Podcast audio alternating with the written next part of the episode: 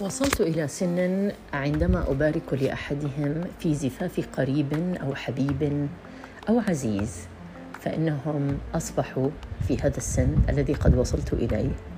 يقولون لي نتمنى لأحبابك زفافا هانئا جميلا.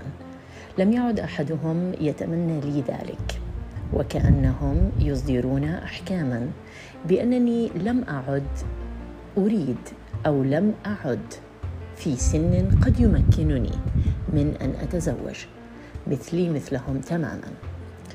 أحيانا أفكر في ذلك السلوك أتساءل لماذا؟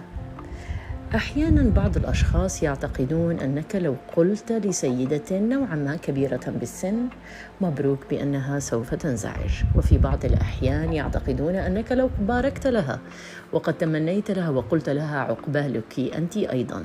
سوف تكون تشعر بالحزن نوعا ما أو بعدم الرضا.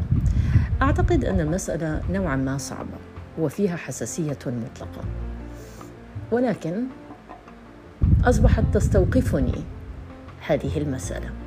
وكأن الأشخاص يطلقون عليك آخر رصاصة بأنك لم تعد تستطيع في سن متقدمة أو متأخرة أن تستمر بالزواج.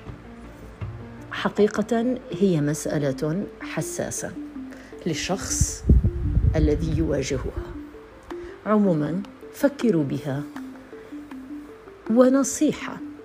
أعتقد أن يتمنى للشخص أن يتمنى الإنسان للشخص الذي يقابله سعادة كتلك السعادة التي يعيش فيها هو أمر لا ضير فيه. صباح الخير.